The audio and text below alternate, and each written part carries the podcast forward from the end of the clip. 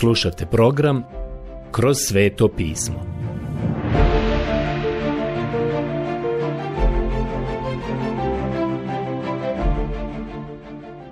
Knjiga Poslanica Galačanima Odlomak Poslanica Galačanima Poglavlje 1 od 11. do 24. stiha Prijatelji, danas smo se vratili ovdje u 11. stih prvog poglavlja Poslanice Galačanima.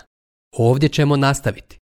Ovo je jedan novi odjeljak, ali prije nego što nastavim i uđem u to, dopustite mi da kažem da je u prethodnom odjeljku apostol Pavle iznio temu. I usput da kažem, učinio je to na veoma jasan način. Rekao je da postoji samo jedno evanđelje i da pokušati dodati nešto evanđelju bi bilo jednako iznošenju nekog drugog evanđelja koje zapravo i ne bi bilo evanđelje. Pavle veoma jasno kaže da smo spašeni isključivo i samo vjerom i da se tome ne može ništa nadodati. Ta vjera zapravo nije ono za što dobivamo zasluge. To je sredstvo pomoću koga dobivamo i zadržavamo Božje spasenje koje je u Kristu. Krist je taj koji nas spašava. Dakle, evanđelje isključuje sva naša dijela. A onome koji ne radi, a vjeruje u onoga koji opravdava bezbožnika, računa se njegova vjera u pravdu. Ovo nije zapisano u poslanici Galačanima, nego u poslanici Rimljanima u četvrtom poglavlju u petom stihu. Prava poteškoća danas nije u tome da ljudi trebaju postati dovoljno dobri kako bi bili spašeni. Veliki broj ljudi to kaže. Jedan čovjek mi je neki dan rekao sljedeće. McGee, ja želim postati kršćanin. Pokušat ću biti malo bolji i ako se popravim, postaću kršćanin. Ja sam mu rekao, ako težiš tome da se poboljšaš, nikada nećeš postati kršćanin. Prevarit ćeš samog sebe jer se nećeš poboljšati. Dakle, nije u tome problem. Problem je u tome što ljudi nisu dovoljno loši da bi bili spašeni. To je razlog zašto je tako teško doprijeti do nespašenih članova crkve s evanđeljem, jer misle da su dovoljno dobri da budu spašeni a nisu dovoljno dobri da budu spašeni. Kada bi samo mogli vidjeti sebe onakvima kakvi jesu. Problem je zato u tome što ne mislimo da smo dovoljno loši da bismo bili spašeni. Jedan čovjek, moj komšija, on mi je rekao sljedeće. Znaš, slušao sam te na radiju. Iskreno govoreći, to što kažeš dobro je za ljude koji su u problematičnim četvrtima, ali nije za mene. Kao što vidite, on nije dovoljno loš da bi bio spašen. On se samo nada da će biti dovoljno dobar. Jedina vrsta ljudi koje Bog spašava su bezbožni ljudi. Gospod Isus je rekao da nije došao pravednicima, nego grešnicima. Razlog zašto je on to rekao jeste taj što nije bilo pravednika, niti jednoga. Zakon zato mora učiniti da mi ostanemo bez riječi, bez bilo čega čime se hvalimo i u šta se pouzdajemo prije nego što milost može početi djelovati. Pavle je to ponovio, ne ovdje, već u poslanici Rimljanima u trećem poglavlju u 19. stihu.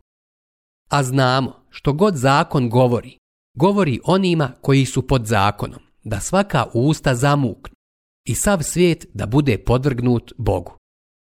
Prijatelji, zakon je dan da nam začepi usta, ali dalje mnogi ljudi danas blebeću o tome kako su dobri i drže se zakona. Evanđelje koje uključuje i zakon i milost, takvo evanđelje nema snagu, nema rasta, nema pobjede. Judaisti u to vrijeme nisu poricali da je Isus umro i uskrsnuo, čak i za grešnike. Ono što su oni poricali jeste to da to nije bilo dovoljno. Rekli su da se morate držati zakona pored toga što morate imati vjeru u Krista. Kada to dvoje pomiješate, ne može biti dobro. I to je ono o čemu Pavle ovdje govori. Ali ako vam i mi ili anđeo s neba navijesti evanđelje, drugčije nego što vam navijesti smo, neka bude proklet. Pogledajte poslanicu Galačanima 1.8. Zašto?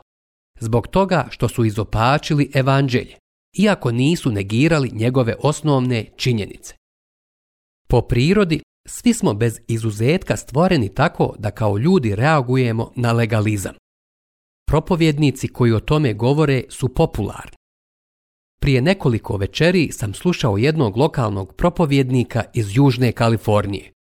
On ima radio program i moje mišljenje je da je to jedan od najboljih programa ako ga posmatramo iz tehničkog i profesionalnog ugla.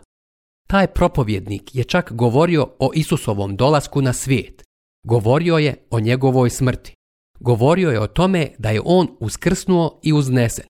Međutim, ni u jednom trenutku nije pomenuo da su oni sa kojima je razgovarao grešnici i da je Isus morao umrijeti za njih kako bi oni mogli biti spašeni. Naravno, ukoliko oni to žele i ukoliko mu vjeruju. Ne. Reći ću vam o čemu je govorio. Govorio je o predanosti. Rekao je sljedeće. Svi vi koji želite predati svoj život Kristu. Prijatelj, zadržimo se malo na ovome. Bog ne želi moj stari život. Ja nemam šta da mu dam i ponudim. On želi učiniti nešto preko nas. Kada bismo samo mogli to naučiti. Bog čak ni ne traži od vas da živite kršćanskim životom. Zato što vi to ne možete. Ne možete tako živjeti. On traži da on može živjeti kroz vas. Poslanica Galačanima govori o tome. Ali prije svega vi morate doći k njemu kao grešnici kako biste bili spašeni. Prijatelji, ne želim biti neprijatan, ali kada to izgovorim, onda mi moja žena kaže Zašto uvijek kada kažeš da ne želiš biti neprijatan, ti zapravo postaneš takav? Oprostite ako sam neprijatan, ali znate i sami da su naše crkve danas pune ljudi koji nisu spašeni. I znate šta? Oni nikada nisu došli Kristu kao svome spasitelju. Oni se osjećaju kao da mu imaju nešto ponuditi i predati. Prijatelji, mi nemamo ništa što mu možemo dati i posvetiti. On želi vama nešto ponuditi i dati. Umro je za vas. On je taj koji daje. Rekao je da je Božji dar vječni život u Kristu Isusu. I to je veoma jednostavno. Da li ste ga prihvatili? Da li ste ga primili? To je ono što je bitno. Po svojoj prirodi čovjeku odgovara legalizam. Čovjek misli da mu ne treba spasitelj. Sve što mu treba je pomoćnik i to je sve. Prijatelji, mi sami nismo u stanju ništa da uradimo. Treba nam neko da nas spasi. Naša savjest svjedoči zajedno sa zakonom, što dovodi do pravnog uvjerenja, što nas dovodi do toga da pokušavamo djelovati. Pokušali smo kompenzovati tu činjenicu da mi ne radimo dovoljno. Pavle je to pokušao. On je imao mnogo pozitivnih stvari na koje je mislio da se može osloniti, ali jednog dana došao je Kristu i rekao Ono što je za mene bio dobitak, postao je gubitak, a što je bio gubitak, postao je dobitak. Pogledajte poslanicu Filipljanima 3, 7 do 8. Dakle, Duh Sveti danas svjedoči o milosti. To je evanđelsko uvjerenje i ono vodi vjeri. Zakon zapravo negira čovjekov pad i to je bio i Kainov stav. Milost priznaje pad čovjeka a u skladu sa tim je djelovao Abel kada je prinio svoju žrtvu Bogu. Sada dolazimo do novog odjeljka koji je ličan. Imali smo uvod u prvih deset stihova. Od 11. stiha prvog poglavlja do 14. stiha drugog poglavlja imamo jedan lični momenat. Tu se govori o autoritetu apostola, te o slavi i veličanstvenosti evanđelja. Prije svega imamo zapis o iskustvu apostola Pavla u Arabiji i to se nalazi zapisano u ostatku ovog prvog poglavlja. To Pavlovo iskustvo u Arabiji se odnosi na period nakon što je bio na putu za Damask. Ovdje se pominje porijeklo evanđelja, od koga potiče, a onda se pominje Pavlovo obraćenje. Zatim, u drugom poglavlju od prvog pa do desetog stiha imamo opisano Pavlovo iskustvo sa drugim apostolima u Jerusalemu. Tamo imamo opisano jedinstvo evanđelja bez obzira na to gdje i kome se ono propovijedalo, a također i kako se prenosilo evanđelje. U drugom poglavlju, od 11. do 14. stiha, imamo opisano Pavlovo iskustvo koje je imao u Antiohiji sa Šimunom Petrom. Tu možemo vidjeti kakva je sve protivljenja imalo evanđelje. I tamo vidimo kako se Pavle ponašao i nosio sa tim. Sada ćemo pogledati taj lični odjeljak. Dopustite mi da ovdje počnem sa 11. stihom. Poslušajte Pavla. On kaže sljedeće. Ali vam dajem na znanje, braćo, da evanđelje koje sam ja propovjedao nije po čovjeku. Poslanica Galačanima 1.11. Sada se vraća na ono što je već rekao u prvom stihu. On ovdje kaže, ali vam dajem na znanje.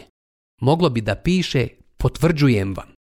Taj izraz po čovjeku trebalo bi biti od čovjeka. Potvrđujem vam, braćo, da evanđelje koje sam ja propovjedao nije od čovjeka. Nisam to dobio od ljudi. Kao što vidite, judaisti ne samo da su doveli u pitanje Pavlovu poruku, već su doveli u pitanje i njega samoga, kao čovjeka, odnosno njegov integritet i njegovo apostolstvo. On nije bio jedan od prvobitnih 12 učenika, tako su judajsti govorili. On je neka vrsta pridruženog člana. Zbog toga su oni dovodili u pitanje valjanost Pavlovog autoriteta kao apostola. I tako će se Pavle usput pozabaviti tom temom i pokazati im da je njegovo apostolstvo ono koje se zasniva na tome da je direktno pozvan kada je doživio lično otkrivenje Isusa Krista. Molim vas, poslušajte ga šta kaže. ću sada 12. stih. Jer ga ne primih od čovjeka, niti naučih, nego objavom Isusa Krista. Poslanica Galačanima 1.12. Drugim riječima, Pavle to nije dobio školovanje. Nije to dobio tako što je postavljen u službu tako što je neko stavio ruke na njegovu glavu. On kaže da je to bilo po objavi. U izvornom tekstu tu se nalazi grčka riječ apokalupsis. To je riječ koja je korištena i u knjizi Otkrivenja. Evanđelje je objava onoliko koliko je i knjiga Otkrivenja objava. Ovdje je to bilo otkrivanje Pavlovog apostolstva. Bilo je to po objavi Isusa Krista on nije postao apostol tako što je to postao preko Petra, Jakova i Ivana, nego je postao apostol direktno time što ga je pozvao gospod Isus Krist. Pavle kaže, za cijelo ste čuli, poslanica Galačanima 1.13, a to se odnosi i na njegov način života. Moje življenje nekad u židovstvu, poslanica Galačanima 1.13. On to sada naziva židovstvom, judaizmom ili hebrejskom religijom. Pavle je ranije bio u tome. Odviše sam progonio Božju crkvu i zatirao sam je. Napredovao sam u židovstvu većma od mnogih svojih vršnjaka u svome narodu i više sam revnovao za predaje svojih otaca. Poslanica Galačanima 1, 13 do 14. Molim vas, hoćete li sada zapaziti ovo? Pavle nije spašen u judaizmu, niti po judaizmu, nego od judaizma. To je ono što on ovdje govori i vjerujte mi, bio je nepokolebljiv zagovornik toga. Zapazite, ono što imamo ovdje jeste njegova izjava koju je dao i koja je veoma značajna. Pročitat ćemo sada 15. stih. A kada se svidjelo Bogu, poslanica Galačenima 1.15. Dakle, ovo što sada slijedi je po volji Božjoj, koji me izabra od krila moje majke i pozva svojom milošću da objavi svojega sina u meni, da ga propovjedam među poganima. Ni začas se ne obratih tijelu i krvi, niti pođoh u Jerusalem konima koji su bili apostoli prije mene, nego otiđoh u Arabiju i opet se vratih u Damask. Poslanica Galačanima 1, 15 do 17. Pavle sada kaže, Nikada nisam dobio evanđelje ni od koga drugog. Evanđelje sam dobio direktno od Isusa Krista. Prije mnogo godina bio je jedan stari modernist. Ja mislim da je bilo pogrešno te kolege nazivati modernistima, jer nije bilo ništa moderno u onome što su oni imali da kažu. Sve je to bila stara hereza. Ali taj čovjek je napisao knjigu i čuo sam ga kako drži predavanja. Pričao je o apostolu Pavlu i odao mu je priznanje da je bio veliki mozak. Lično, mislim da je Pavle imao najveći i najbriljantniji um, veći od bilo kojeg drugog čovjeka koji je ikada živio. Veliki broj učenjaka, koji bolje poznaju Pavla od mene, također to misle i potvrđuju. Ovaj modernista je izjavio da je apostol Pavao bio briljantan proučavatelj Mojsjevog sistema zakona, judaizma i da je bio također i briljantan student grčke filozofije, tako da je Pavle spojio to dvoje i napravio kršćanstvo. Apostol Pavle ovdje kaže da nije tako dobio evanđelje. Rekao je da ga je dobio na drugi način, da ga je dobio direktnim otkrivenjem od Isusa Krista. Molim vas, hoćete li zapaziti šta on ovdje kaže? Pročitat ću sada 18. stih. Zatim, nakon tri godine, pođoh u Jerusalem da upoznam Kefu i ostadoh kod njega 15 dana. Poslanica Galačanima 1.18 Pretpostavljam da je to zapis koji imamo u dijelima apostolskim, u devetom poglavlju od 26. do 29. stiha. Znači da je u pustinji proveo manje od tri godine. Bilo je zanimljivo kako je Bog obučavao svoje ljude. Sjetit ćete se, Bog je tako trenirao i Mojsija u pustinji. Stavio je i Abrahama u prilično jedinstvenu situaciju. Božji metod je bio da pošalje svog čovjeka u pustinju da ga pripremi. Ilija je imao isto iskustvo. David je treniran i pripreman dok je boravio u pećinama izraelske zemlje, bježeći od Šaula. Lovili su ga kao jarebicu i napokon je zavapio Bogu i rekao sve vrijeme je otvorena sezona lova na mene. Sve ove ljude je obučavao Bog. Sada je gospod upotrijebio isti metod i sa Pavlom. Poslao ga je tamo u arabijsku pustinju i on je tamo proveo nešto manje od tri godine. Sada Pavle govori da je došao u Jerusalem, da je vidio Petra i da je ostao sa njim 15 dana. Druge od apostola ne vidjeh, osim Jakova, gospodnjega brata. Poslanica Galačanima 1.19. Bio je to sav kontakt koji je imao sa njima. Kao što ćemo vidjeti, od njih nije dobio ništa. Pročitaću sada 20. stih. Što vam pišem, evo, pred Bogom izjavljujem, ne lažem. Poslanica Galačanima 1.20. Hoćete li sada pažljivo poslušati? Ovaj liberal, odnosno ovaj stari modernista kojeg sam spominjao, Rekao je da je Pavle dobio svoje evanđelje tako što je napravio homogenizirani gulaš od grčke filozofije i Mojsijevog sistema zakona. A Pavle ovdje sada kaže da nije bilo tako. I Pavle kaže da ne laže. Neko od njih dvojice laže. Pavle je rekao da nije bilo tako. Previše sam pristojan da tog modernistu nazovem lažovom. Ali Pavle ga je nazvao. Pavle je rekao, kažete da sam ovo evanđelje dobio negdje drugo. I još je rekao, želim da znate da ne lažem. To znači da ovaj drugi čovjek laže. Ja ću morati ostaviti ovo ovako, jer bih bio previše nepristojan da kažem da je taj čovjek bio lažao. Pavle je to rekao na veoma lijep način. Pročitat ću sada od 21. do 24. stiha. Onda dođoh u krajeve Sirije i Cilicije, a bio sam licem nepoznat Kristovim općinama u Judeji. Samo su bili čuli da onaj koji nas je nekada progonio, sada propovjeda vjeru koju je nekoć zatirao. I slavili su Boga zbog mene. Poslanica Galačanima 1, 21 do 24. U Jerusalemu su prilično oklijevali prihvatiti apostola Pavla. Mislim da bi bez Barnabe vjerovatno još dugo čekao prije nego što bi ga crkva u Jerusalemu primila. A to je bilo zbog toga što je progonio crkvu. Iskreno govoreći, ovi ljudi su znali šta znači obratiti se. Znali su šta je to.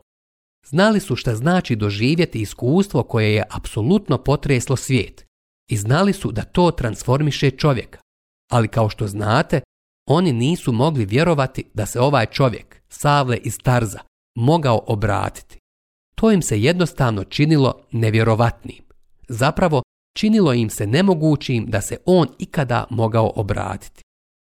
Dakle, ono što imamo ovdje jeste da nam Pavle u ovom odjeljku opisuje prve godine nakon svog obraćenja. Prijatelji, ja ne mislim da su ovo bile najsretnije godine njegovog života. Mislim da nam on govori o neuspjehu u tom razdoblju svog ličnog života. Posebno je to izraženo u sedmom poglavlju poslanice Rimljanima. Vidjeli smo ovo i ranije. Ja sam rekao da postoje tri razdoblja u životu apostola Pavla.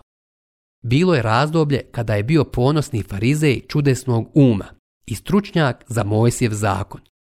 Kao što su mnogi njegovi biografi rekli, govorilo se za Pavla da on nikada nije bio apostol. Govorilo se čak i to da se nikada nije ni obratio. On je bio izvanredan čovjek i mislim da to nikada nije bilo u pitanju. Ali istovremeno, on je bio i ponosni mladi farizej. On je sve znao, mrzio je Krista, mrzio je crkvu i usput je pokušavao eliminisati. Pavle je i započeo progon crkve. A onda se na damašćanskom putu srušio. Pao je s u prašinu. Ovaj briljantni mladi farizej otkriva da nije poznavao Isusa Krista, a poznavati njega je značilo život. I onda se Pavle upoznao sa Isusom. Odmah je rekao, gospode, šta želiš da učinim? Mislio je da je mrtav. Ja sam Isus kojega ti progoniš, a kada progoniš moju crkvu, ti progoniš i mene. Pogledajte dijela apostolska 9.5. Pavle nam ovdje govori o tome da je prošao kroz to razdoblje. Nakon što je upoznao Krista, došao je period od skoro tri godine koje je proveo u Arabiji. To su te prve godine kada je on pokušavao služiti. On je o tome rekao. Ono što sam htio činiti, nisam to uspio. Jadan sam ja čovjek. Poslanica Rimljanima 7.24 To nije rekao nespašeni čovjek već apostol Pavle koji je ovdje zapravo u ranoj fazi svog kršćanskog života. On se obratio samo nekoliko godina prije nego što je ovo napisao. A onda je došlo to divno, slavno razdoblje kada je hodao po duhu Božjem, o čemu će nam i govoriti u ovoj poslanici. Prijatelji, to je bilo vrijeme kada je mogao živjeti za Boga i to je mjesto na koje mnogi od nas danas trebaju doći. Danas ima puno nesretnih kršćana. Spašeni su. Mislim da su spašeni. Dwight L. Moody je to izrazio na svoj neobičan način. Neki ljudi imaju taman toliko religije da ih to učini jadnima. Mislim da je to prava slika mnogih ljudi danas. Sada dolazimo do ovog drugog razdoblja u Pavlovom životu, a to je njegovo iskustvo sa drugim apostolima u Jerusalemu. Volio bih da imamo više zapisanih stvari o ovom razdoblju. Postoji jedno pitanje koje nam se nameće u ovom trenutku. Siguran sam da vam je to pitanje već palo na pamet. Ukoliko je Pavle primio evanđelje, odvojeno od ostalih apostola koji su bili sa gospodom Isusom tokom tri godine njegove službe koji su vidjeli uskrslog Krista i koji su s njim doživjeli to iskustvo. Pitanje koje se nameće je sljedeće da li Pavle i ostali apostoli propovjedaju isto evanđelje. To je veoma važno, jer ako Pavle nije propovjedao isto evanđelje, onda je nešto radikalno pogrešno. Zbog toga ćemo sljedeći put obraditi ovo Pavlovo iskustvo kada je otišao u Jerusalem i kada se prvi put susreo sa drugim apostolima. Vidjet ćemo da je Jerusalem prihvatio Pavlovo evanđelje. Dragi moji prijatelji, do sljedećeg puta neka vas Bog bogato blagoslovi.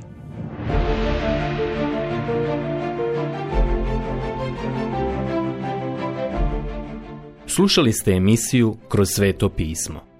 Možete nas slušati i na našem YouTube kanalu putem mobilne aplikacije te na svim glavnim podcast platformama kao što su Google, Apple i Spotify. Ako vam se naši programi dopadaju, preporučite ih i podijelite s drugima budite slobodni da ostavite svoj komentar ili nam pišite na našu e-mail adresu kroz svetopismo.bih at gmail.com Zapratite našu stranicu kroz sveto pismo BiH na Facebooku i na Instagramu. Emisije iz ove serije možete pronaći na našoj stranici ttb.twr.org.